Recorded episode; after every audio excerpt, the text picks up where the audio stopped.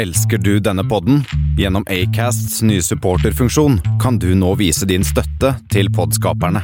Det er helt opp til deg hvor mye du ønsker å bidra med. Klikk på lenken i podbeskrivelsen for å støtte podkasten. Men eh, jeg blei jo også misbrukt eh, i nær familie.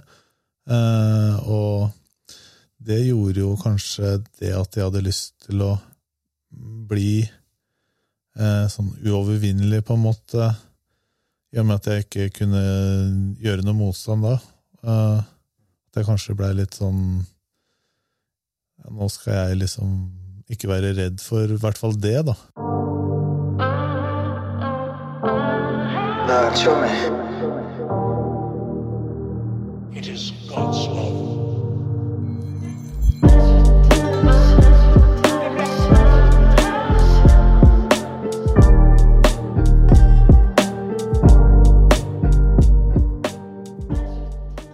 Hva det går i, hva det går i. Vi prøver igjen. Du, I dag har vi besøk av en mann som kan skryte på seg å ha vært uh, verdens sterkeste mann.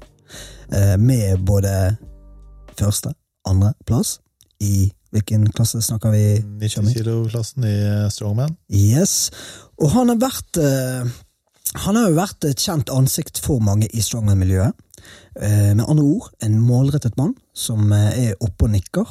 Eh, spesielt nå om dagen, som, der det er både omtaler både i Dagbladet, Nettavisen, NRK, og eh, nylig så gjestet han òg denne kjente podkasten eh, Mannegruppa Åtter. Eh, og etter årevis med steroidebruk, og nå TikTok-kjendis med ca. 110 000 følgere, så ønsker han å forebygge innenfor mobbing og antidoping og det er jo noe som vekket min interesse, og, interesse, og uh, selvfølgelig gjorde at jeg uh, ønsket å invitere han her i podkasten Band Show Me. Uh, vi skal bli mer kjent med han, gleder meg, og håper dere òg får noe ut av denne her samtalen.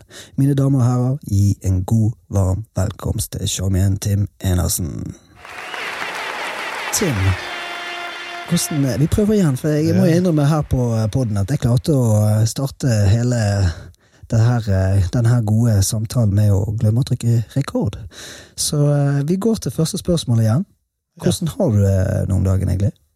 Jo, veldig bra. Eh, normal hverdag, sier kanskje jeg, men uh, det er mange som tror jeg kanskje driver med ja, kun TikTok. Men ja, jeg har jo jobb og familie, og, men mye av hverdagen går i TikTok. og koser meg og legger ut humor og en del av min hverdag, da og tidligere ting som har skjedd i livet, som jeg bare plutselig kommer litt på hvordan jeg skal forklare meg ut på en litt kort måte, da. I og med at uh, TikTok-innlegg må være litt korte. Så det er vel stort sett det det går i nå om dagen. Ja, for det er jo via TikTok jeg eh, oppdaget deg, da. Det var jo en kompis av meg eh, som sendte meg denne videoen som, eh, der du snakker om det å være suicidal og faktisk prøve å ta livet sitt. Uh, og når jeg fikk den, så gjorde det veldig inntrykk på meg. For det var litt måten du snakket på der. At du var ikke ute til å kaste uh, vedkommende som hadde skrevet en kommentar til deg under bussen, og på en måte svare stygt tilbake. Jeg syns du svarte helt fantastisk fint. Og uh, i det du gjør det, så har jo skjedd veldig mye etter du publiserte den videoen. Kan du si noe om det? Ja, jeg la jo ut den videoen, og ikke for å henge ut han, på en måte. Eh, det jeg sa i det innlegget, var at han kunne sende meg en melding da, på Instagram at uh, uh, han trengte kanskje litt hjelp, da, i og med at han skriver sånne stygge kommentarer eller et eller annet. Og da tolka jo mange personer at alle som sleit, kunne sende melding til meg, da. så vi snakker du fikk en god del uh... Noen tusen, ja. Du fikk noen tusen? Ja.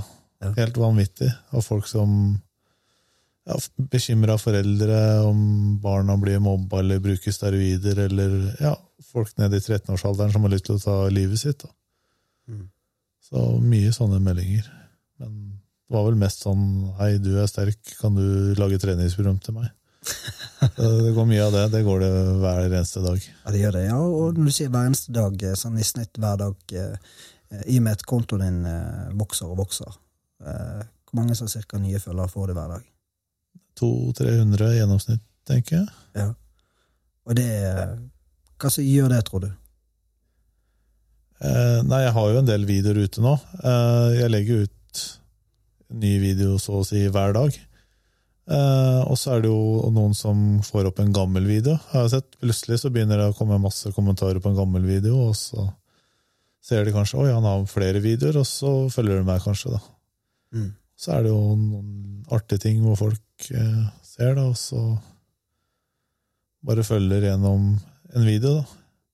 Jeg følger jo ikke så mange personer selv, jeg pleier ikke å scrolle så veldig mye selv. Men uh, det er vel sikkert sånn de tenker, da, at de har lyst til å se, se mer av det, da. Ja, og når du eh, eh startet TikTok, eh, hvor, hvor lenge siden snakker vi da? Det var i august, så det er vel åtte måneder siden, er det ikke det? Cirka? Ja. Ja. Og det er jo ganske kort tid å, å klare å skape såpass mye innhold, da. Eh, som igjen sprer seg og går viralt. Um, er det litt som Hva, hva, hva var egentlig eh, drivkraften din til å starte TikTok, for det første? Nei, jeg er jo god venn med Muskelbunten, som sikkert mange kjenner på TikTok. Eh, Så han åpna jo bare en konto til meg, for jeg har jo hatt noen treninger sammen hvor han har lagt ut video av meg på trening. da. Og så var det mange som kommenterte at de ville se mer av meg på treningene hans. Og så åpna han konto for meg og la ut et bilde, bare et bilde. Eller jeg skulle legge ut et eller annet også, og så klarte jeg å legge ut et bilde, jeg skjønte ikke noen ting. Og så blei det bildet likt vanvittig mye, da. TikTok er jo egentlig videoer. Ja. Og så bare la jeg ut en gammel treningsvideo, og så plutselig så hadde jeg 1000 følgere første dagen, og så Den så du ikke komme. Nei, jeg ville tippe at jeg kanskje skulle få et par tusen i løpet av høsten. Ok. Og så i løpet av noen uker så hadde jeg 10 000 følgere fort. Ja. Så når da ballen ruller der fort og sånt, hadde, gjorde det sånn at du da Shit, jeg må hive meg på her og utnytte denne her uh, muligheten? Ja, jeg blei jo litt stressa, for jeg, jeg la jo ut en del gamle videoer av konkurranser, men jeg hadde jo nesten ikke flere videoer å legge ut, på en måte. Eh, så da måtte jeg jo filme litt hva jeg drev med nå, da. Og jeg følte meg ekstremt svak i forhold til den tiden der, da. Mm. Jeg får bare legge ut av hvordan jeg trener nå, da. Eh, Avdanka pensjonert strongman, eller hva jeg kalte en video. Du ser nå i hvert fall bra ut fortsatt. da. Jo, takk for det. Og da kom det mye kommentarer på 'fy søren, så sterk du er'. Men ja, jeg ser jo nå, jeg er jo sterkere enn 99,9% av Norge Ja. fremdeles, sikkert, på en måte. Men eh, jeg føler jo ikke sånn selv, da. Nei. Men det der å liksom å by på seg sjøl, for det gjør jo du eh, i mange former på TikTok-kontoen din. Eh, var det Syns du det var scary, det da? Eh, ja, på en måte bare herlig å liksom by på det sjøl på den måten som du har gjort? Ja, det var egentlig det. Sånn som jeg aldri likte å prate foran folk, på en måte. Og så sende video av meg selv til noen andre hvor jeg prater. Bare det er en person jeg kjenner, så bare det, jeg føler meg litt sånn ukomfortabel. Ja. Så tenkte jeg jeg kjenner jo ikke noen av de folka her likevel, på en måte. Og så la jeg ut en video, og så Nå så er det bare sånn Er det noen som spør om jeg kan være med på en video, sånn, så er det Jeg tenker jo ikke noe over det. Er det litt sånn som med treningen, at du, når du sier du tenker ikke over det, at når du har gjort noe over lengre tid, så blir det bare helt naturlig, ikke sant? For at, eh, Ja. jeg tror veldig mange kjenner litt på den der at du eh, det å eh, Selv om det er veldig vanlig at folk har TikTok, Instagram, Snapchat og byr på seg sjøl, likevel så er det litt sånn at du skal over en viss grense ved det der å stikke ansiktet, ansiktet ut og, og prate og gjøre et eller annet sprell, da. Eh, Ja. Da jo man da eh, eh, Man gjør seg sjøl sårbar på en måte. Og litt det som, tilbake til det du opplevde, da du fikk eh, hets eller opplevde noen hatmeldinger. Mm. Eh, men du vil du tørre påstå at det ga seg fort? At du tenkte ikke noe mer over det? det tok litt tid. Det gikk sånn gradvis over, og nå bryr jeg meg ingenting om noen stygge kommentarer. Mm. Men uh, enkelte ting så tenker man jo litt over Jeg kan jo ikke nå alle følgerne mine med hvert eneste innlegg at det er positivt for alle, på en måte. Mm. Det er bare sånn, eh, Jeg blei jo kalt mobber seinest i går, fordi at jeg arrangerer en fest for en kamerat, Sikkerhetsproffen, eh, hvor det er gjesteliste. da. Og da ble jeg kalt mobber fordi jeg ikke inviterte hele Norge til den festen. Da. At Ok. det er kun folk som har masse følgere og sånn, og det var ikke det som var meninga, men folk tolka det litt sånn. Ja, ja. Så da måtte jeg lage et innlegg og si at her er alle velkomne. Eh, og Jeg føler liksom ikke at det er egentlig nødvendig, da, men folk vrir og vender på, på mye av det jeg gjør, for å lage en video med meg. da. Så de drar det til sin fordel. Se her, han gjør sånn, og så er det mange som blir interessert i hva er dette for noe. Mm. Eh, og at kanskje noen andre også har tenkt det. Det så jeg også noen kommentarer at ja, jeg tenkte det samme. Og da lager han noe negativt ut av noe som bare var positivt. da. Mm. Og det, det syns jeg er veldig dårlig, kjedelig mot meg og de som skal på den festen. da. Gjør det noe med motivasjonen din i forhold til det å fortsette å produsere content på siden din? Ja, altså Jeg sitter jo bare og håper på negative kommentarer, på en måte, at jeg kan lage en video ut av det, men nå har det roa seg veldig. Ja. Eh, kanskje også fordi at folk ser at jeg lager video Ja. av de, da. Ja. Og det er jo flere kontoer som har blitt sletta fra TikTok, eller at de har blokkert meg fordi de føler seg litt driti ut. da. Mm. Og da tenker jeg at det er sikkert mange som ikke tør å kommentere på samme måte lenger. Mm. Og de som kommenterer nå, er stort sett en user-bruker som mest sannsynlig er oppretta samme dag bare for at de Mm. må kommentere noe og prøve å sette meg ned foran de selv, sånn at de skal føle seg bedre. da. Mm. Hm. Altså det, jeg tenker jo litt sånn uh, Fordelen for, med deg er at du har vært gjennom en reise i livet og har erfaring, og sånn som jeg hører du prate nå, så jo, fremstår jo du som trygg i din identitet og selvbilde, ikke sant? At du, eh, du er deg sjøl, da, på Mm. TikTok. Og, men er det likevel litt lett å på en måte gå inn i en sånn her, eh, rolle der man skal bare lage noe for å underholde? Skjønner du hva jeg mener? Ja, jeg gjør også det, på en måte, men Ja. det er jo eh, underholdning jeg liker. Ja. Humor og ja. Og du har bra humor. Og da, da, får jeg jo inspirasjon fra andre, på en måte. Oi, det der må jeg jo Trine dama lage, liksom, for det var litt artig også. Så jeg har vært en del av det også. Ja, Hun har satt mye sprell for deg, eh, tydeligvis. eh, Mer enn det vi har sett på TikTok. Ja. Nei, Hun eh, skremmer meg og Hun smiler litt der borte der hun sitter der. ja. Ja. Eller salt i colaen min og skal filme det. Og, ja. Ok, Så hun, dere er begge to litt sånn skøyere? Ja, jeg driver ikke med sånn eh, så mye pranking, da, men eh, jeg har også gjort noe av det. Ja. Prompemaskin på storsenter og sånne okay. ting. Ja, det, det er jo, men det er jo noe med det der å være eh, som et barn i en voksen kropp. Ja da, det kommer jo kommentarer at eh, faen, du er voksen, skjerp deg, promping og ja. Jeg syns jo det er gøy, og da må jeg gjøre det som er gøy, jeg. Ja, jeg tror nok de fleste eh, har litt den der humoren hele livet ut, egentlig. Syns det er litt sånn funny. Ja, det er noen som prøver helst skal være så seriøse, da, men Mm. hvis det de får noe ut av å kommentere Mm. negativt, så får Ja. de gjøre det. Men, eh, men Tim, altså nå har jo du vært omtalt i Norges største aviser. Hva, hva, hva gjør det med deg eh, når trynet plutselig er på forsiden på Dagbladet, liksom? Jeg, vet ikke, jeg ser egentlig ikke noe særlig på det. Nei? Nei, Du Eh. fremstår jo som en veldig jordnær fyr, da. Det, men er det med å trigge noe positivt? For du kommer jo med et positivt budskap. Ja, eh, det gjør jo det. Det er jo hyggelig at folk leser det og ser på det, for jeg er litt sånn utålmodig her. Jeg klarer ikke å lese ferdig mine egne artikler engang, på en måte. Eh, så- Nei, jeg får jo mye positivt tilbake, da. Eh, Og det er flere som har tatt kontakt og vil at jeg skal eh, holde et foredrag mot mobbing og steroider på skoler. Eh, men at skolen aldri har noe særlig budsjett til det. Mm. Så det er jo flere sammenhenger hvor jeg har blitt spurt om det, da.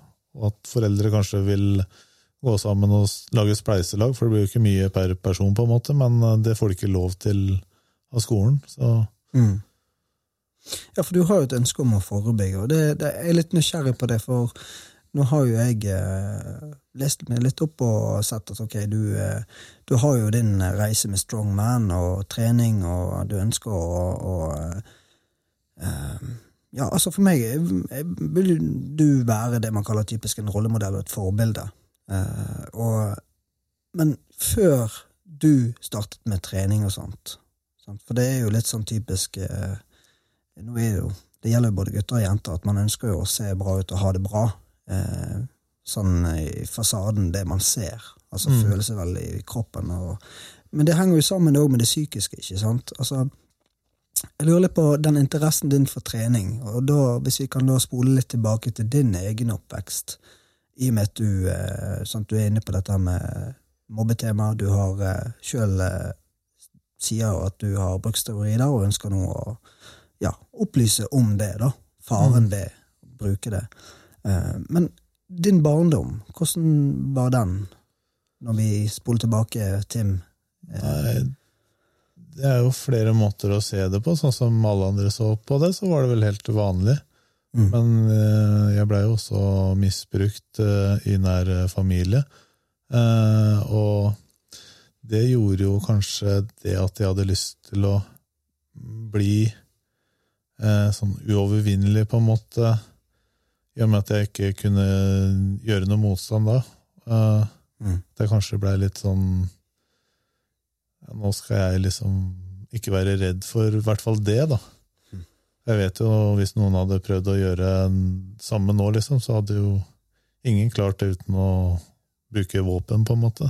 Mm. Det følte meg tryggere, da. Ja, og så var jeg jo alltid sterkest i klassen, selv om jeg var ganske tynn. Så var jeg sterkest, og så blei det egentlig at jeg bare Når jeg blei eldre, og de andre gutta ble kanskje litt større og kraftigere, så måtte jeg liksom trene litt for å være sterkest, da. Så, Ja. så begynte jeg jo da jeg var 13 år å løfte vekter. ja. Men så på en måte litt du, du, du begynner å få interesse for trening, og det for at du, det er litt det med å kunne beskytte seg sjøl. Eh, og kunne ta igjen hvis noen vil prøve å ta deg. Ja. Gjelder det òg eh, mobbing? Eller? Nei, jeg har aldri blitt mobba selv. Nei. Men eh, jeg, når du bruker mye steroider, og så blir du litt sånn inneslutta person, da. Mm. Eh, så blir du kanskje ikke invitert på ting lenger, fordi du, du skal trene, du skal ikke drikke, du skal gjøre sånn og sånn, og Mm. så blir det litt sånn at eh, du blir ikke bedt på ting mer, da. Mm. Så blir det sånn holdt litt utenfor. Og det er også, når du holder folk utenfor, så er det jo å mobbe, på en måte. Mm. Og den følelsen der er jo ikke noe hyggelig. Eh, som jeg kanskje opplevde et par ganger i året. Hvor gammel var du da? Det var jo sånn Når jeg konkurrerte 25 til nei, ja, nærmere 30 òg. Mm. Eh, og da kom jeg Ja, nå i siste tid så har jeg liksom tenkt mye på folk som blir mobba hver eneste dag, flere ganger om dagen. Du får aldri eh, noen dager på å komme deg, og ja, det var bare noen tullinger. Nå må vi finne noen andre å henge med, men de får ingen andre å henge med. Og, så det må jo være mye verre, da. Og jeg ble jo sånn skikkelig vondt inni meg av å bli, ikke bli bedt på en fest, på en måte. Mm. Mange tenker jo at det er kanskje ikke noe big deal, men når man ser grunnen, da, nei, de, han kommer ikke uansett, og så var det min skyld, at eh, det blei sånn, på en måte, da. Men eh, de som blir mobba, de kan jo ikke noe for det, på en måte.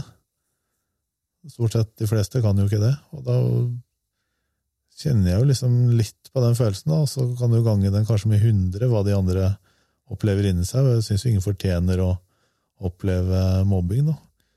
Hvis du er litt eh, overvektig eller uh, bruker briller eller sånne ting, da, sånn som var uh, populært å mobbe for når jeg var liten.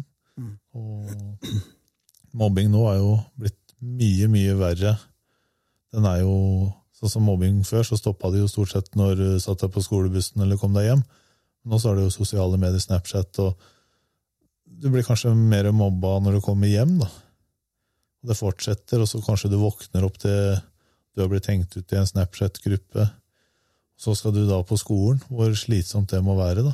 Mm. Jeg har jo fått melding av 12-13 år gamle gutter som blir mobba. De har lyst til å ta livet sitt. da.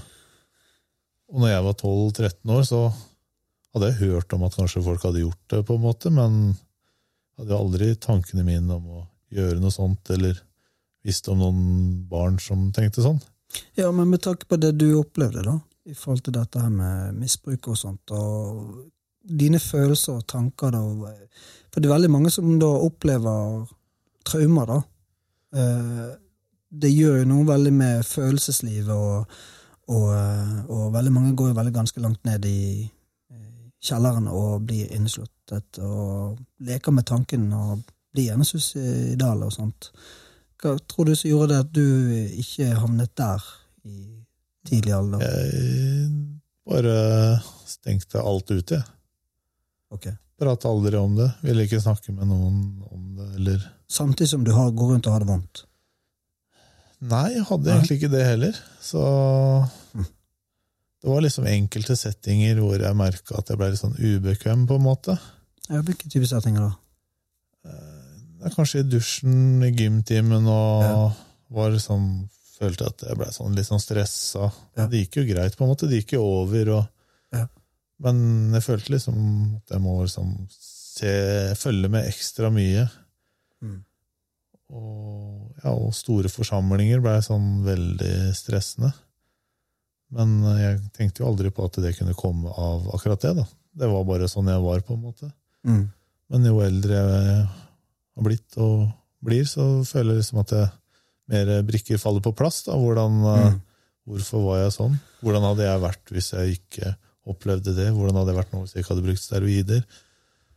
Så det er jo mye sånne Men tror du altså Det du egentlig sier nå, det er mye av det grunnen til at du det ønsket om å bli større og større. Det ligger mye tilbake inn til det du opplevde som barn.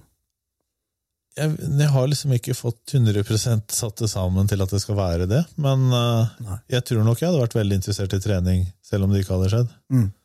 Jeg syns jo det er veldig fascinerende med bodybuilding, eksempel, selv om jeg aldri har drevet med det. Så at folk klarer å ha Jeg vet ja, hvor sinnssyk jobb det er å Mm. bli sånn, da, hvor mye du må legge ned og sånn. Så jeg syns jo det er veldig fascinerende. Og, Mm. Ja, og jeg liker jo å ha litt mer muskler enn gjennomsnittet. Og være sterkere enn gjennomsnittet. Ja. Så det er alltid styrken som har betydd noe for meg, da. Mm. Og da blir man jo automatisk eh, stor også. Så har jo Jeg husker jo liksom på barneskolen jeg skal bli Norges sterkeste mann. Og Det var sånn det er sikkert veldig mange som har sagt det, på en måte. Jeg sa jo fortsatt det i mange år framover.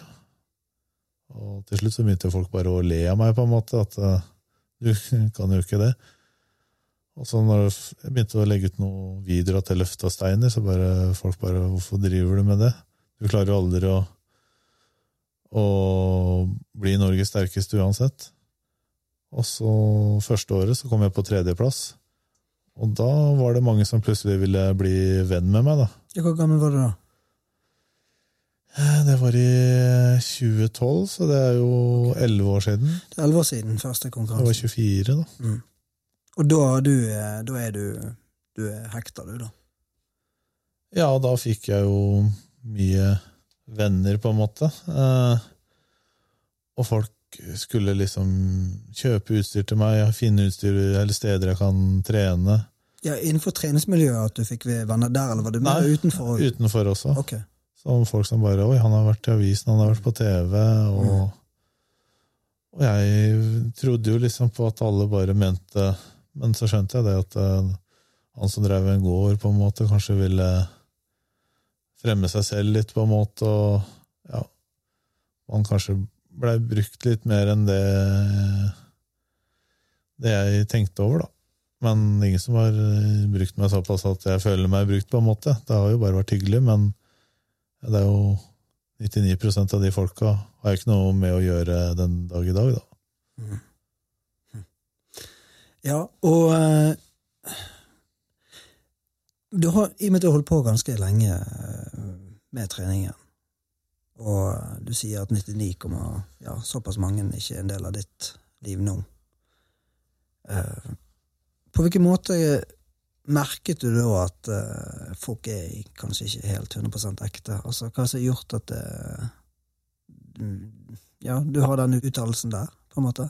Nei, det gikk jo kanskje bare et par år mens jeg drev og trente, at uh, jeg ble ikke med på det, fordi jeg skulle til et annet land og konkurrere, og jeg gadd kanskje ikke være med på fest da, fordi ja, jeg gadd ikke være på fest uten å kose meg med alkohol selv. Da, da valgte jeg heller å spise noe mat hjemme og legge meg tidlig og stå opp og trene. For det, det, det er jo en pris å betale her for Ja. å nå de målene. Helt klart, og jeg skjønner jo det at eh, hvis Jeg har ikke lyst til å ha en bestevenn på en måte som jeg aldri vet når kan være med meg, eller eh, sånne ting. da.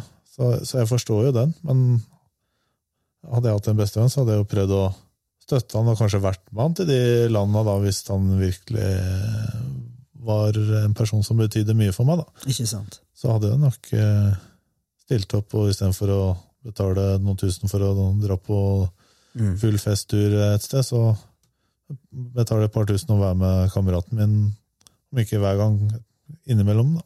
Mm. Nei, jeg eh, en av deg på den der, for det, er eh, det er jo noe med det at eh, er man en ekte altså Nå har jo jeg en podcast som heter Vær en tjommi, og jeg tenker jo òg at en tjommi han eh, støtter opp under eh, det du brenner for, mm. og vil se deg vinne og skinne. Um, så, eh, men eh, eh, du sa jo òg noe i sted òg, bet jeg meg merke i, at eh, det der eh, festegreiene har ikke vært helt din ting. Og det med å eh, Vi har en kultur i Norge som er litt sånn bias Ja. når det kommer til alkohol. Og, eh, men hva, hva som gjør det at du eh, tar litt avstand fra det og ikke vil være eh, en del av det? Velger heller da å legge det tidlig og trene og ha den livsstilen der. Før jeg konkurrerte, så var jeg jo en del på byen og sånn, og så jeg føler vel at eh, når jeg har vært på byen eh, hver fredag og lørdag i noen måneder, så det er ikke så spennende for min del å dra på byen eh, hver eneste helg. Altså, da liker jeg heller å være i selskap og prate med de nærmeste rundt. Mm. Eh, å være på fest edru for min del, det takler jeg nesten ikke. Fulle mennesker er uh, masete og udregelig. Uh, jeg klarer det fint når jeg er full selv, så da er jeg kanskje litt sånn selv. Da er det greit å Ja. ja, ta en fest når det, er, når det skjer noe, da. Ja. Ikke bare feste for å feste, men hvis man blir invitert til en bursdag eller selskap, så er det alltid hyggelig med en liten fest. Men eh, Mm. Jeg trenger ikke dra på nachspiel til seks-sju om morgenen lenger, altså. Nei. Nei, øh, vil du si at trening er, er egentlig rusen din?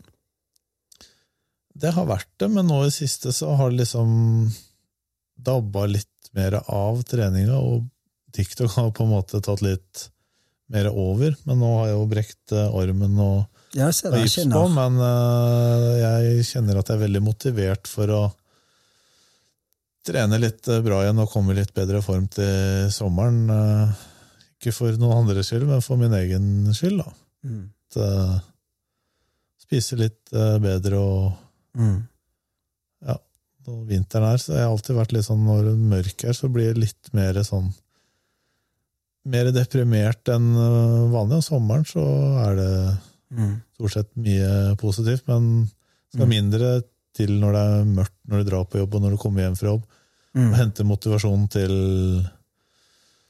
ja, til å være positiv til alt. Da. Og da syns jeg det er greit med trening. at jeg, Det er ikke noe annet å gjøre. Jeg drar på trening og drar hjem og spiser, og så sover. Sånn er ukedagene Mm. når jeg ikke har eh, barna mine, på en måte. Ja. Så, Ja, og det der med mørketiden er jo noe jeg òg kan kjenne, igjen, kjenne meg igjen i. Heldigvis har er jo liksom den der eh, terapien når det er mørkt, og det vekker jo noen følelser igjen. sant? Og når det går dag ut dag inn, og det er kaldt, det er ufyselig, eh, regnet står sidelengs. Spesielt i Bergen, der jeg kommer fra, så er jeg vant til å få regnet. Det blir pisker deg i trynet. ja, Heldigvis ikke så mye her i, nede på Sørlandet, men, eh, men, eh, men da er det noe med det å ha noen eh, verktøy for å deale med det, når de der eh, kjipe følelsene kommer. Og det er jo litt det med trening igjen. Det, de er jo med å forebygge eh, psykisk helse. Ja, jeg er jo mørkredd i tillegg, da. Så det er mange som syns det er litt rart når man er eh, nærmere 120 kilo og sånn, men eh, Ja. nei, jeg føler meg ikke komfortabel når jeg er ute når det er mørkt. Nei. Men kan det òg ha litt sammenheng med ting du opplevde som barn? Det er vel det eneste jeg funnet ut at eh, mest sannsynlig, ja. For jeg vet aldri uh, hva som skjer når det er mørkt og sover og ja. Mm. Så jeg har jo slitt litt med søvn. Mm. Uh, egentlig alle, Jeg har bare tatt sovepiller kanskje ti ganger. Mm. Men uh, søvnen også har jo blitt redusert. Man går på steroider da, som gjør at kroppen går på høygir uh, døgnet rundt. da. Ja, for det, altså jeg må jo innrømme, jeg, steroider er jo egentlig Jeg har jo sett rundt meg, og har jo drevet med trening i en del år og sånt, og man ser jo og hører og rundt seg at eh, folk bruker steroider. Sjøl har jeg aldri testet det, og har egentlig lite kunnskap om det. Eh, og nå har jo du stått fram og sagt eh, at steroider det gjorde noe Hadde en veldig dårlig effekt på deg i forhold til din psykiske helse. Eh, fra du startet med steroider, hvor fort gikk det egentlig? Hvis, nå kan jo du lettere kanskje reflektere over og se tilbake.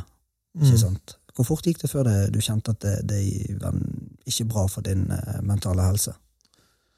Eh, Det gikk nok litt lengre tid. Det var vel andre som merka det mest, på en måte. Okay. Eh, Når jeg ser tilbake, så hadde jeg sett meg selv da, så hadde jeg merka det ganske fort. Mm. Etter to måneder som man avslutta første kuren. Da. Når du avslutta den, så raser du litt eh, fort ned i vekt. da. Hvor du har bygd deg opp til eh, det, og så får du masse kommentarer. 'Oi, dæven, nå har du trent bra, nå ser det bra ut'. Mm. Og så går du ned i ja, 90% av den eh, vekta du hadde da, på to uker. Og da kommer folk 'oi, har du slutta å trene'?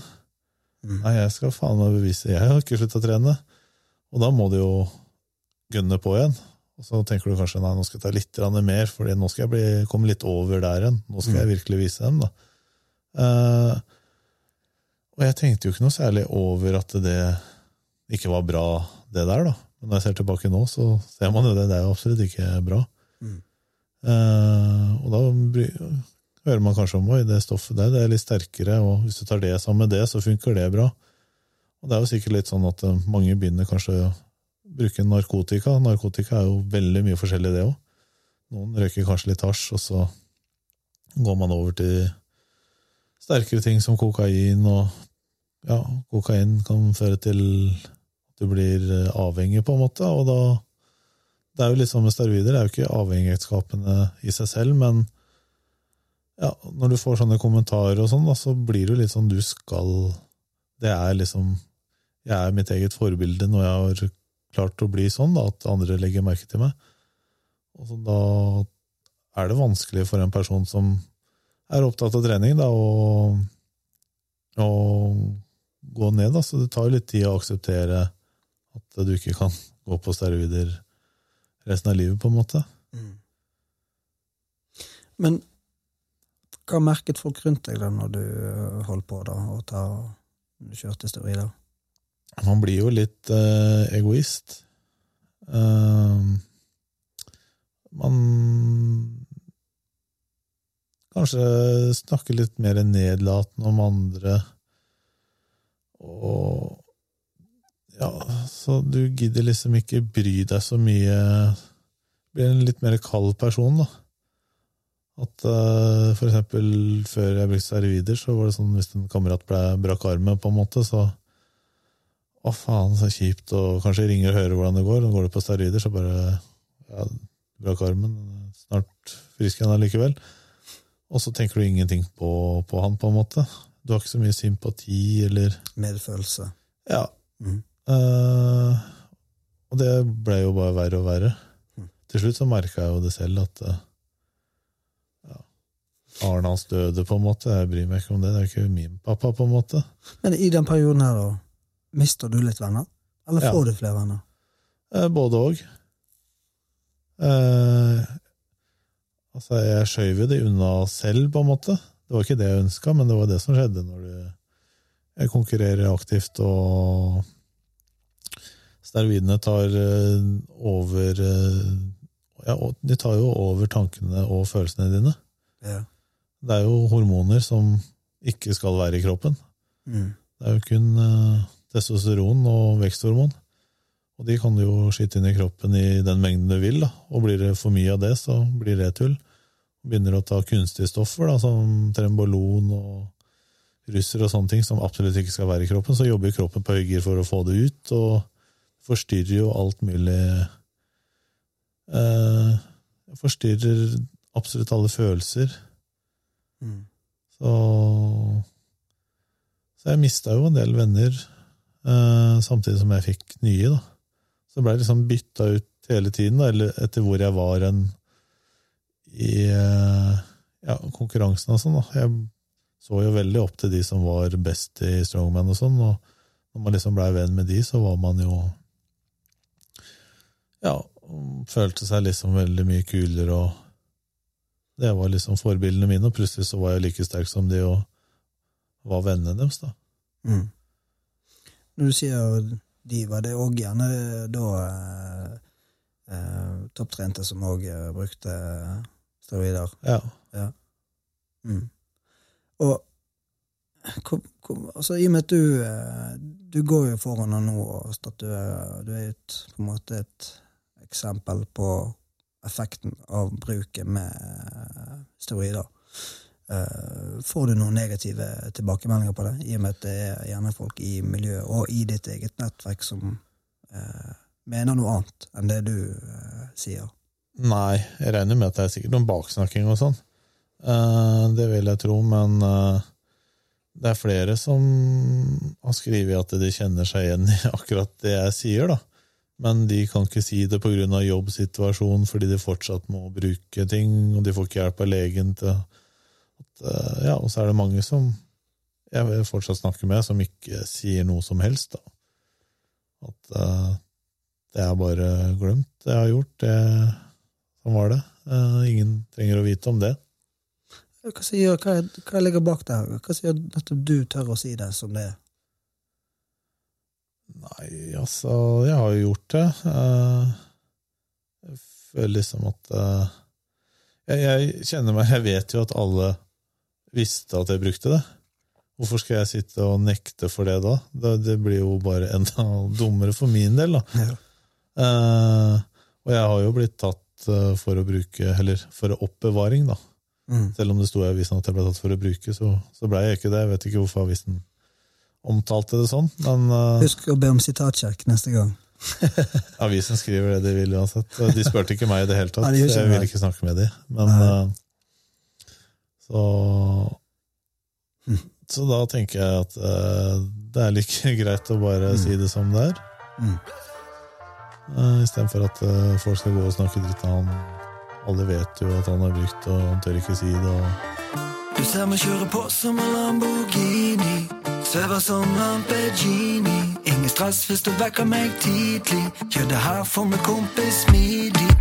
Livet blir bedre med greit å vise frem tårene. Alle kan si ting som er sårende, men fall ikke ned, bli stående. Gi deg alle du har en fremtid, uansett om du er 20 eller 50. Ja, det går opp. Ja, men jeg, altså, jeg får veldig, Det er jo beundringsverdig, syns jeg. Da, for at, uh, vi er jo veldig gode på å ha uh, lage oss skall. Ja. Uh, litt den der uh, fake it uh, to you make it. Og, eh, ja, og lever veldig i sånn eh, ja, Vi er gjerne gode på å være overfladiske. Så, så eh, jeg tenker jo det at du tør å si det som det er, og i deler i podkaster og eh, har ikke noe problem med å snakke om eh, ting på TikTok. Det, det betyr jo at du utgjør en forskjell og kan hjelpe andre, tenker jeg da. Ja, det var ikke helt det som var planen, egentlig. Det var bare oi. Det var så mange som begynte å skrive ja, du er full av steroider og sånn. og Jeg er jo ikke det nå, men jeg har vært det og svarte litt sånn. da, Og så oi, dæven, du turte å si det. Da ble folk litt sånn sjokkert, da. De har kanskje Mm. kommentert mange andre sine videoer hvor de bare blitt blokkert eller ikke fått noe svar. Mm. Dette, ja, jeg har jo gjort det. Eh, Mm. Jeg starta på en tid hvor det var lov i Norge. Mm. Eh, Men var det litt sånn òg når du holdt på, for det, er jo en krevende idrett som og Det er mye skader eh, der. Er det litt sånn at når en kjenner at kroppen er litt sånn eh, Litt ubalanse, kan man si det? At du Ja. trenger eh, At en gjerne da kjører litt ekstra på med steroider? Blir litt sånn fort sånn? Ja.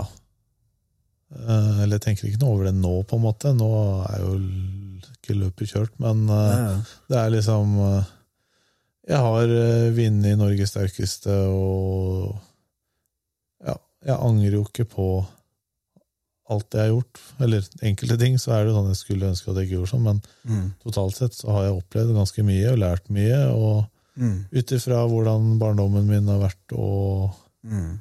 eh, sånn, så føler jeg at uh, jeg har fått uh, ganske kommet greit ut av det. Mm. Selvfølgelig så kan jeg jo få senskader på hjerte og rygg og sånne ting. Så får bare håpe at det holder seg der det er nå, da. Ja, for utenom det at en, eh, du sa sjøl at du ble jo eh, deprimert, og på denne videoen som du delte på TikTok, ikke sant, der du sier at du ser at det å bruke en asteroide gjorde at du ble suicidal. Eh, For tenkte litt på det der. Var det en spontan eh, handling fra din side at du stilte deg opp der og ville avslutte? Eller var det noe du hadde tenkt på over tid? Nei, det var planlagt. Ja. Uh, sikkert et par måneder i forveien. Ja, det var liksom flere måneder. Ja. Hadde bestemt dato og Nei, ikke helt dato. Uh, det jeg visste, var at jeg skulle ha barna mine. Når jeg leverte de på mandag, så skulle jeg gjøre det. Jeg skulle jobbe først, og så skulle jeg gjøre det. Hva som gjorde at du var egentlig Hvilke tanker var du hadde om livet ditt, da? I og med at du har eh, to barn, og du eh, har klart mye, oppnådd mye, på en måte? Nei, altså, det var jo Ja, jeg mista jo masse penger, og Det var liksom Det var jo litt i den tiden hvor jeg hadde slutta med steroider, og folk kommenterte liksom 'Har du blitt syk fordi du har blitt så tynn?' og, og alt det på en gang, så blei det sånn mye. Eh, Og når jeg bestemte meg for å gjøre det, på en måte, så blei det sånn derre Ble litt letta. Jeg dro og kjøpte tau og skrudde opp den kroken i taket på lageret mitt, og, Mm. og brukte tiden på å skrive brev til de nærmeste, og For det var ikke det rundt Jeg Har ikke stått på denne krakken lang krakk, sant? Sånn i gardintrapp, ja. ja, ca. seks-syv timer var det Ja. ish, Hele natta. Hele natten. Det er lenge. Ja. For jeg tenker når man er havnet der, og står oppå den krakken der, det må være veldig mye som har sust gjennom dine tanker på de timene der, tenker jeg da. I og med at du, du drøyer det og drøyer det, og du ja, men tiden gikk så fort også. Ja, du følte det? Ja. Ja. Og så, det var jo liksom eh, barna mine som liksom dukka opp, på en måte. Altså, Mm. eh, de fortjener jo liksom ikke det, på en måte, men de fortjener jo ikke å ha en pappa som eh, deprimert heller. Mm. Og så Mm. Til slutt så begynte klokka å bli så mye at jeg bare Nei, nå får jeg dra hjem og sove en time før jeg skal på jobb. Mm. Og så bare følte jeg meg så jævlig dum etterpå, liksom. Og så, Mm.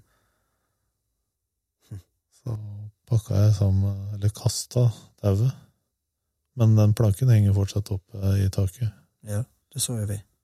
Mm. Mm.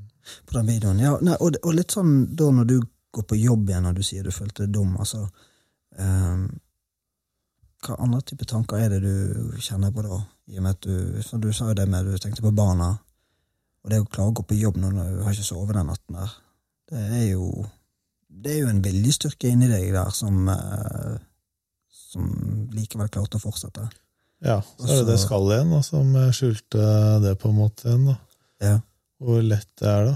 Eh, så Jeg husker jo jeg var jo vanvittig trøtt og sliten, og, men jeg var jo vant til å sove lite. Tre til fire timer om natta var det jeg sov i mange år i strekk. Mm. Så det var ikke det verste for min del, men eh, det var sånn jeg ville ikke at noen skulle vite det.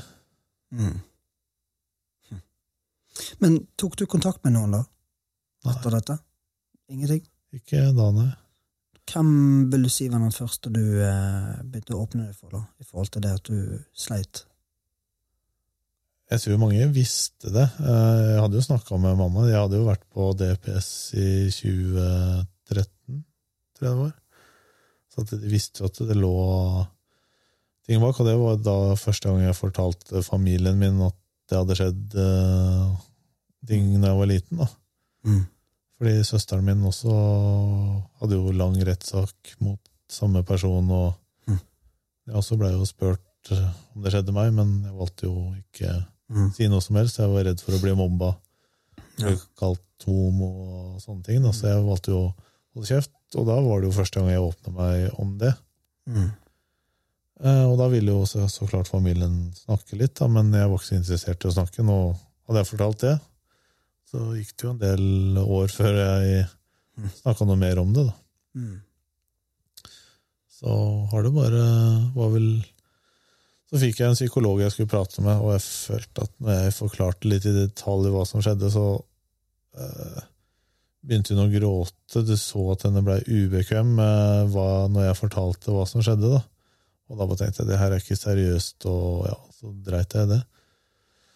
Og så tok jeg kontakt med en eh, privat psykolog litt seinere, sånn. Eh, Fordi jeg følte jo lenger og lenger siden det var at jeg hadde brukt steroider, jo mer kom det opp med barndommen. da. Mm. Eh, Og da tenkte jeg nå skal jeg bare prøve å se, fordi jeg bare leste en artikkel at han psykologen var veldig god på akkurat det som hadde skjedd med meg. da. Mm. Eh, Og så klikka jeg han ganske bra. Så der har jeg sikkert lagt igjen mange, ja. Nærmere 100 000 kroner, tror jeg. Ja. Men de pengene betyr vel gjerne ingenting, eller på den måten i og med at det har gitt deg livet, at du lever og har det bedre. Ja, jeg vet ikke hvor mye han hjalp, eller han hjalp jo meg med sikkert sånne småting, men den Ja. jobben må du gjøre selv hjemme. Mm. Du får ting du kanskje skal reflektere, reflektere over Mm. når du er hjemme, men han kan jo ikke si du bør gjøre sånn, du bør gjøre sånn. Mm. Han kan jo komme med råd kanskje, og sånne ting fra tidligere pasienter han har hatt. Da var kanskje det funka på den. Du minner meg litt om en som var sånn. Og sånn jobba jeg med han. Kanskje høres det greit ut at vi jobber litt sånn. Eh, Eller du. Han sa aldri vi, han sa alltid du, fordi jeg måtte gjøre jobben selv. Ja. Det var liksom bare små ting som ja, Jeg fant ut mer og mer selv med meg selv, da. Mm. Som gjorde kanskje at uh, ikke har samme tanker og sånn. Jeg tenker jo sjelden på hva som har skjedd og sånne ting, men uh, Mm. jeg kan jo bli litt ubekvem i enkelte ting, da. Ja. Mørk og bli blenda og spruta vann i ansiktet og, Ja. Og fryser og sånn. er sånn ja. Jeg har noen sånne småting som fortsatt henger litt igjen, da. Ja. Eh, ja, det var vel kanskje òg en eh, syns det er veldig fint at du sier der at eh, du sjøl må ta noen grep, ikke sant? Eh, og eh, vil si at en av de grepene òg er det å fortsatt holde på det her med treningen, at det er en del av din hverdag, et verktøy som gjør at du eh, Ja. Ja, nei, det er jo viktig å fortsette i eh, en vanlig hverdag, da. Mm. For eh, jeg prøvde jo kanskje å ta meg fri noen dager, men jeg følte egentlig bare det ble verre. Mm.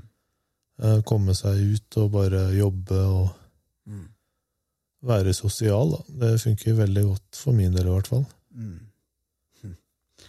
Ja, for det er veldig sprøtt at vi sitter og prater, for vi har egentlig mye mer felles enn jeg hadde, hadde trodd. Eh, kan kjenne meg veldig igjen i flere ting her. Og spesielt sånn som du beskriver det der med Ja, det med mørke og ja, kulde og ja. Eh, det er Jeg syns jeg, jeg blir i hvert fall veldig sånn eh, eh, Det er veldig beundringsverdig, for det er veldig mange mennesker som opplever eh, eh, nettopp dette du deler, som velger å avslutte. Mm. Og, og det er litt sånn Det gir jo håp eh, for andre at du velger å dele. Ja. Og, og, det at du har investert Du sier sjøl flere, flere hundre tusen sikkert i å gå til en psykolog, og at du har tatt flere grep. Vil du si at det, det handlet òg mye om å gå en plass hvor du ble sett, bare hørt, på en måte?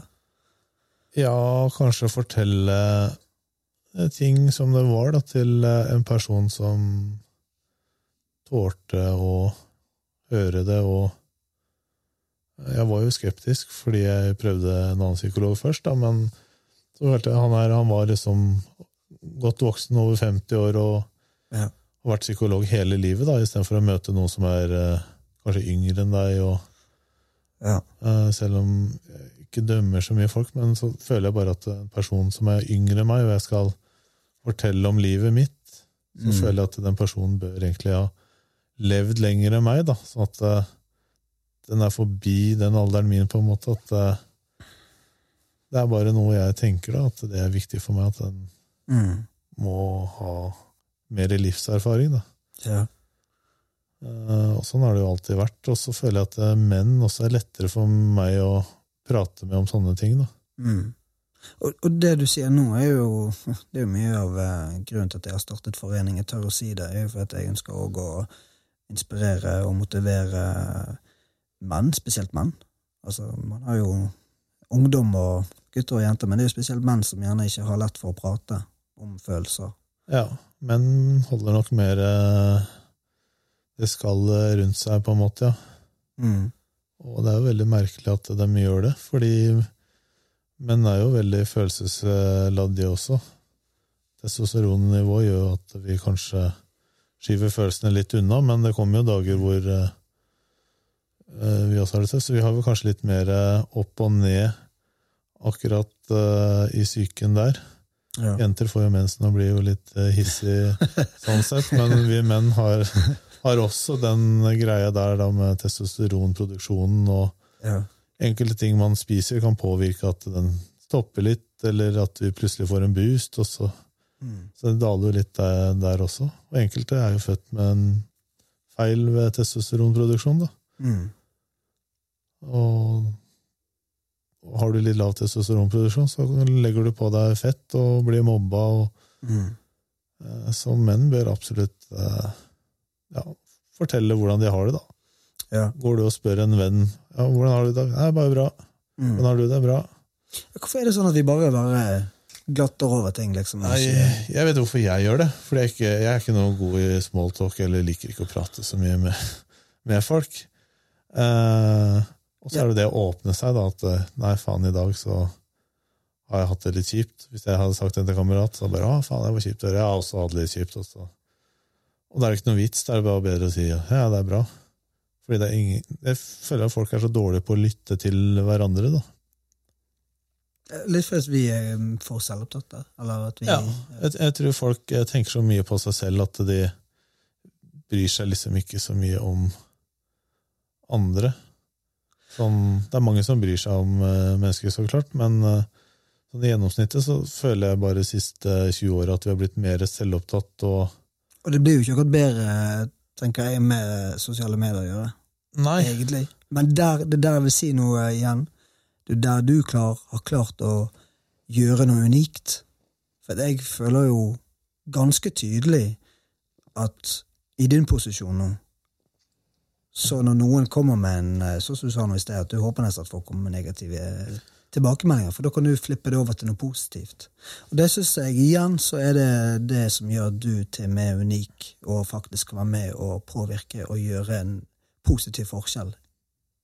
Ikke bare på sosiale medier, men òg i livet til mennesker. Så Mm. det, det syns jeg det, Jeg hyller det. Det er fett. For det Ja, det er ikke mange jeg har sett gjøre det eh, tidligere. Nei, det er jo hyggelig å høre. Det var jo ikke det som var intensjonen med Nei, å gjøre det. Det var egentlig litt for å lette meg selv litt også. Ja.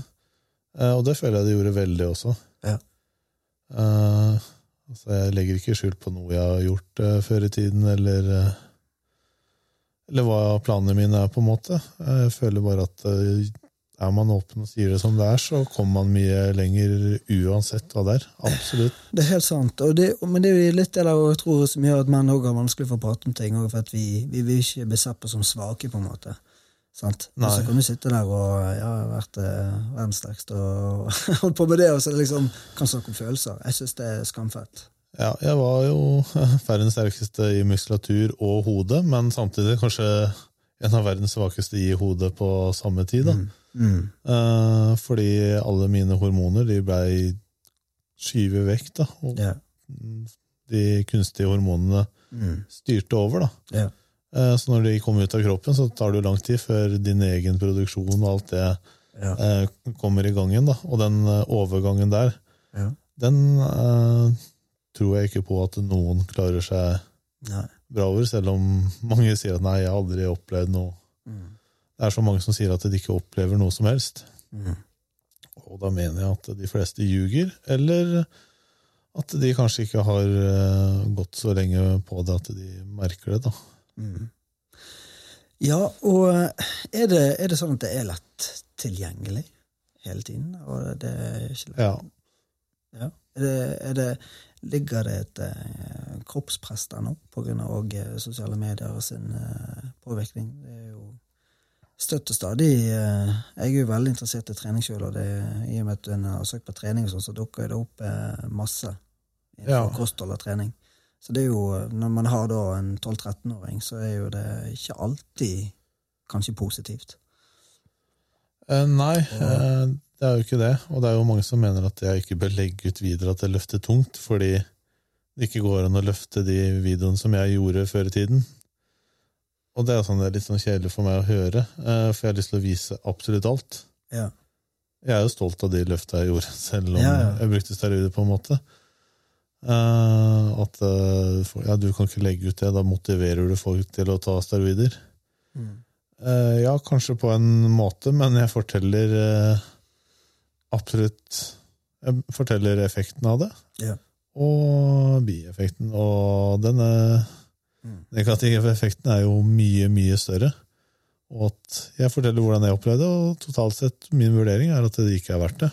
Jeg har aldri møtt en som bruker steroider som sier at han ikke, at han ikke har merket at det er noe negativt med det. Og det er jo litt sånn Ja, For alle sier de mm, er bare, ja, de ikke merker annet enn at de blir større og sterkere. og ja, Men det, det er når du kommer tett på, så får en gjerne høre at ja, det er noen konsekvenser med det. Ja. Um, Som med det meste, egentlig. men eh, jeg kan jo vedde på hadde du kjørt på en kur nå, så skulle jeg spurt deg om en måned. Da tror jeg nok du hadde hatt din beste tid i livet. Ja. Og så hadde du gått alt sammen. Skulle jeg spurt deg to-tre uker etter du hadde gått alt sammen, da hadde du nok hatt en av dine verste Ja. perioder uten at det hadde vært noe som tilsier at du skulle hatt det jævlig. da. Ja. Og da er jo da òg la oss si at jeg er på en dårlig plass i livet og sliter. At jeg har, eh, og jeg har vært gjennom en del ting i livet som gjør at jeg har eh, måttet ta tak. Og da er det jo desto vil jeg si at det er større fare for at det kan få stygge konsekvenser. da. Hvis man da går fra en sånn høydere, men så er eh, den der eh, fallgruven så stor at du Mm. kanskje ikke kommer opp derfra igjen. Ja, og jeg tror de fleste som begynner å bruke steroider, er jo noen som har noe underliggende. Da, at de må bevise seg selv, eller de har blitt mobba, eller opplevd noe ting. Og den, eh, de tankene der blir nok forsterka i den perioden hvor du ikke har din egen testosteron som produserer og hjelper til å holde humøret oppe. Eh, Så da blir jo det forsterka. Ja. Men så klart, så alle kropper er jo forskjellige, da. Det er helt sant. Det er helt sant. Nei, eh, så hvis du da skal gi, eh, gi noen eh, gode råd, eller du har jo på en måte gjort det nå, du har jo fortalt eh, litt om farene ved brukersteori, da, men eh, til disse her ungdommene som eh, vil bli store og sterke kjappest mulig, og du har jo en god erfaring med det med diett og alt dette her, men hva, hva type råd vil du gi til den yngre generasjonen da, når jeg kommer til treningen? Nei, De må nok spørre seg selv hvorfor eh, de absolutt skal bli så store og sterke. Hva får de ut av det? Det er ikke bare steroidene. altså Hvis du skal bli stor og sterk og veie mye, så går det jo utover knær. Hvis du blir veldig fort ung, så går det utover knær, det går utover ryggen. Eh, Du får vann i kroppen som gjør at eh, ja, lever og nyrer de går på høygir, og hele kroppen Det er jo sånn når du drikker alkohol, så jobber kroppen i spreng for å dra ut alkoholen, og sånn er det jo når du får inn steroider i kroppen. Den, jobber jo bare, den vil jo bare ha det ut. Mm. Eh, og da blir du veldig sliten til slutt, da, når kroppen din jobber på høygir hele tiden. Ja. Eh, til slutt da, så klarer den jo ikke jobbe på samme måte mer. Og når du er er ferdig å bruke steroider og blitt eldre, så kanskje kroppen din fungerer eh, 30% mindre enn gjennomsnittet på din alder pga. det, og da korter du ned levetiden din også. Mm. Så, så jeg anbefaler folk å virkelig undersøke, ikke bare søke steroider, men også søke steroider eh, bivirkninger, fordi søker du steroider, så får du nok mest opp effekten av det. Ja. Så du kan jo google deg fram til akkurat det svaret du vil ha om en ting. Det er jo alltid flere forskjellige eh, meninger om ting. De som eh, produserer og selger steroider, kan jo lage artikler som er bare positivt. Mm. Også de som har brukt det og har negativt, de kan lage det, men det er jo mye færre som lager negative ting Mm. om noe da, enn positive akkurat når det gjelder eh, en sånn Det er jo en stor business i markedet der. Mm. Og hvis det er et par hundre stykker lager et positivt innlegg, så er det kanskje én som lager negativt. Da, da finner du de positive veldig lett. Så det er veldig viktig å søke på bivirkninger hvis du skal virkelig finne ut hva steroider er for noe. Ja, også så lett fort å, å bli farget av bare det du ser der og da. Du ser kanskje en som ser sykt bra trent ut, men det du kanskje ikke vet, at den personen har vært, uh, hatt uh, sinnssyke uh, problemer Ja. livet, og eh, kjører mye steroider. Ja. Og er rett og slett kanskje Altså, Jeg eh, har jo sett òg at det er veldig mange som har strøket med når de passerer 40-årene etter mye eh, bruk. Og de som har konkurrert eh, på høyt plan, da. Sånn som i Olympia, det der, de der Nå er ikke dette helt mitt felt, da, men der så legendariske Arnold har befunnet seg i, Ja, i mange år, så er det mange som har strøket med. ja, ja, det er klart. Så, og, og de har jo gjerne Jeg husker sjøl når jeg så Arnold da jeg var tenåring. Jeg tenkte heller, heller sånn, så sånn kunne jeg tenkt meg å blitt. Men så var det heller fotball eh, som ble min vei, da. Men eh, Nei, jeg skal ikke tro på alt det jeg leser. Jeg skal ikke helt alltid kjøpe, men gjerne ha litt kritisk eh, øye til det man ser Ja. og leser. Du får ikke kjøpt deg på noen butikk, eh, så du får liksom ikke sjekka noen anmeldelser eh, sånn sett, annet enn å spørre noen som har kjøpt av samme personen. Mm. Og stort sett alle de vil jo anbefale det. Mm. Det er jo de som fortsatt bruker. Yeah. Jeg ville jo anbefalt å bruke steroider når jeg gikk på steroider-periode selv også. For jeg merka jo ikke noe. Nei. Og det var jo nesten billigere å kjøpe steroider enn å dra til Svinesund og andre proteiner og kreatin. Det var ikke sant. Så så jeg skjønner jo veldig godt at folk tyr til det. Ja. Men eh, jeg ser jo tiden eh, begynner også å tikke her. Vi har jo et annet opplegg her. Tør å si det har jo en, eh, et opplegg for menn eh, 18 pluss nå eh, her eh, nede på lokalkafeen. Ja. Så, så vi skal gå inn litt mot eh, siste fase her, og da har jo jeg eh, eh, noen fasespørsmål som jeg pleier å stille gjestene mine. Eh, og da starter jeg litt med hva betyr eh, ordet suksess eh, for deg? Nei, suksess er jo liksom noe du tenker på når uh, du ser noen som har opplevd eller oppnådd noe som uh, uh, hele folkemengden får med seg, på en måte. da. Det er sånn jeg tenker på suksess. Men så har du din egen suksess, da, og oppnådd det noe, et mål du har hatt. da. Mm. Uh, og jeg har jo oppnådd flere mål jeg har uh, satt meg. Så jeg har jo oppnådd min egen suksess. Og andre har jo fått med seg min suksess, så jeg føler liksom at jeg har uh, vist det på min måte, da. Ja. Så det er sånn jeg forbinder med suksess. Eh, vi har egentlig vært mye innom det òg. Så kort oppsummere, hvor viktig er det å tørre å si det? Når det kommer til det med livet. På godt og Det har veldig mye å si Det har alt å si, nesten, på en måte. Uh, ting blir så mye lettere da. For, uh, for deg selv og for de rundt deg. Ja. Går du og holder noe inni deg, så er det jo bare tidsspørsmål før uh, du får en, et behov til å få det ut. da. Og det er mange som kanskje ikke tør å si ting ut, så gjør de kanskje dumme ting for å prøve å komme inn på et tema. Gjøre litt sånn smådumme ting At da er det starten på å komme i gang eh, med et tema du sliter med, da. Men eh, hadde noen rundt meg slitt, så hadde jeg satt veldig stor pris på om de kom og fortalte meg det. Mm. Rett ut, og bare sagt det 100% som det var, og så jeg kunne hjelpe den personen best mulig, da. Så det anbefaler jeg alle å gjøre. Mm. Eh, Det er bedre å snakke med for mye om det enn for lite om det. Mm. Eh, tror du på Gud? Det, det er mange som har spurt meg. Jeg, vet ikke. Er det mange som har spurt om det spørsmålet der, faktisk? Ja, kanskje ikke sånn okay. så mange, men jeg har jo hørt om det. Men eh, jeg, jeg tror jo ikke på at det er noen som har skapt noe sånt. Det tror jeg bare Det kommer av seg selv, på en måte, men at uh, uh, ja, Det er jo forskjellige religioner, og alle har jo sin tro, på en måte. Så hadde det finnes en gud som skapte verden, så, så er jeg ganske sikker på at det hadde vært én person, at alle hadde hatt samme gud. da.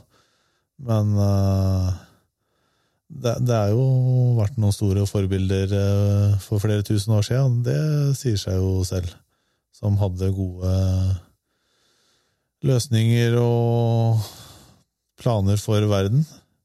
Det, det er det nok.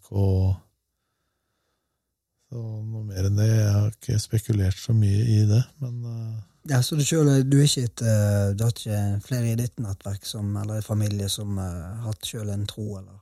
Nei, ikke sånn at de går i kirken hver søndag, på en måte, men eh, jeg har jo folk som sier de er kristne. Jeg har vel egentlig aldri spurt noe utdypende hva, hvordan kristne de er. Det er sikkert mange forskjellige måter å tro på en gud, eh, men eh, jeg er jo døpt i kirken, og hvis jeg skal gifte meg, så har jeg alltid tenkt at bør jo kanskje være en kirke da, på en måte. Det er vel kanskje at alle forventer det, på en måte. Ja. Men skal jeg gifte meg nå, så vil jeg tippe at rådhuset hadde blitt det beste og tatt fly til Thailand etterpå, eller tatt det i Thailand, ja. Så Du må ha sol og varme, du, Time. Mm? Ja, du må ha litt sol og varme. Ja da, det, det er viktig. Det er viktig for min del. Jeg liker godt å dra til varmere strøk. Da, da slapper jeg å kose meg. Ja. Og få ha gode minner fra barndommen i yeah. Sydligere strøk. Mm. Det ønsker jeg at uh, kjæresten min og barna mine og, og sønnen hennes skal oppleve også. Yeah. Og det tror jeg faller i god smak der. Det tviler jeg ikke på. Det er greit å komme seg vekk fra eh, Norge, spesielt når det er vintertid og surt og kaldt ute. Eh, Tim, det der å, med å filme seg sjøl og snakke og skrive ned noen tanker på forhånd og så dele ting personlig, sånn som du gjør nå i samtale med meg her på en podkast, er det like lett i, i, i virkeligheten, sånn som du da er med damen din eller familie eller andre venner, å kunne sitte face to face og se hverandre i øynene og prate sånn åpent, sånn som du gjør her nå? Det er vel noe jeg ikke klarer. Eh, med mindre jeg nærmest blir pressa inn i en situasjon, da. Så da må man jo bare gjøre det, på en måte. Men eh, jeg vil jo komme meg fortest mulig ut av den situasjonen hvis jeg eh, kommer i den situasjonen med folk som jeg har en litt nær relasjon med, da Ja. spesielt familien, som ja, vet litt av hva som skjedde. Det er vel det verste. Og som søsteren min og jeg, som eh, ja, var på samme overnattingssted, da. Vi har aldri eh, snakka sammen om det.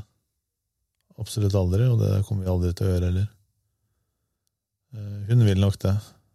Du tenker at hun ville, men du sier det aldri. Er det for at du ikke er klar? Altså Du kjenner at du overhodet ikke er klar for det? Det kommer jeg aldri til å bli. Jeg har ikke noe behov for å for å snakke om det, på en måte. Jeg tror vi kjenner hverandre såpass godt at eh, vi vet det, på en måte. Og vi har jo skrevet noen lange meldinger eh, med hverandre. Det er ikke så lenge siden jeg fikk en lang, lang melding av henne hvor hun forklarte litt om når vi var små og sånn, da. Eh, Den har jeg jo ikke klart å svare på enda, og det fikk jeg vel i desember. Det er tydelig at det gjør noe med deg som gjør at du trenger tid for å fordøye det? At det eh, Eller tar jeg feil nå? Nei, altså, jeg har jo trengt mye tid, men jeg tror nok aldri det blir et tema i familien vår. Ja. Men hun ønsker å Hun har aldri nevnt det, men eh, sånn jeg forstår det på henne. ja. Og derfor så syns jeg det er greit at Eller mamma blei litt sånn Hun blei nok ikke sur, men hun blei nok kanskje litt sånn skuffa over at jeg delte ting offentlig, da, og ikke til eh, familien. Mm. Men eh, det er jo fordi jeg har vanskeligheter, og jeg vet at jeg ikke klarer å få det ut like godt da. Mm. Så kanskje jeg legger litt skjul på ting, og så Men jeg tror òg litt som du sier sjøl, at når det kommer Når det blir veldig nært sant? Altså, her er jo eh, Du er eh, en på besøk her nå, og vi møtes i dag. mm. At det er kanskje lettere, for det, det er liksom ikke den der Jeg har eh, ikke noe problem med altså, Som Mm. hun sier, at er du ikke nervøs, eller yeah. Jo, ja, jeg merker ikke noe på kroppen, liksom. Skulle Nei. jeg dratt til familien med snakka om det, så hadde jeg jo hatt svetteringer eh, før jeg hadde satt meg i bilen hjemme og skulle dratt, på en måte. ja. Eh, Og det merker jeg for nå, på en måte, når jeg begynner å snakke om det, bare. Så Har det litt med vekker det, det vekker noen følelser, rett og slett, som eh, ikke er positive for deg, da? At, eh, er, det, er du redd for at ikke de skal forstå deg, eller møte deg, eller høre deg? nei. Eh, Søsteren min har jo vært åpen, og han blei jo dømt til fengsel og sånne ting, mot kusina mi også. Eh, Søsteren min har jeg opplevd som at hun har kanskje holdt litt ting inni seg, og eh, ja, hun har tatt det litt bedre enn kusina mi, da, som har slitt veldig. Mm. Så, så alle takler ting på forskjellig måte og klarer å snakke om ting på forskjellig måte. Ja. Og måten min er det her, i hvert fall akkurat nå. Ja. Og det tror jeg det kommer til å bli òg. Jeg synes det er veldig fint at du sier det. Akkurat her og nå så er det sånn du dealer med det, og du er jo en eh, reise der du eh, Du har jo vært gjennom en eh, flere år med bruk av steroider, eksempel, og nå sitter du her og kan dele din erfaring om det. sant? Mm. Konsekvenser det har hatt. Og så i tillegg nå så deler du eh, ganske personlig om noe som var eh, vondt, og som ikke skal skje med et barn. Eh, og, eh, så jeg tenker jo sånn at eh, det der òg at man eh, Det hadde blitt feil om jeg skulle sitte her og skulle presse deg til å si noe som ikke føles naturlig for deg. Mm. Og det er litt sånn jeg tenker at vi, menn til menn òg, at man Det å prøve å lytte, og ting skjer litt naturlig, da. Steg for steg. Eh, og det tenker jeg òg med familie, at der ligger det kanskje en sånn forventning til at eh, hallo, du er min sønn, eller du er min bror eller søster. At det ligger forventning til at man skal dele. Ja, ja, det, det tror jeg. Uh, og jeg er veldig flink på å si ifra hvis det er noe jeg ikke vil også. Ja. Så de har vel sikkert merka det at uh, nei, det her gidder jeg ikke, på en måte.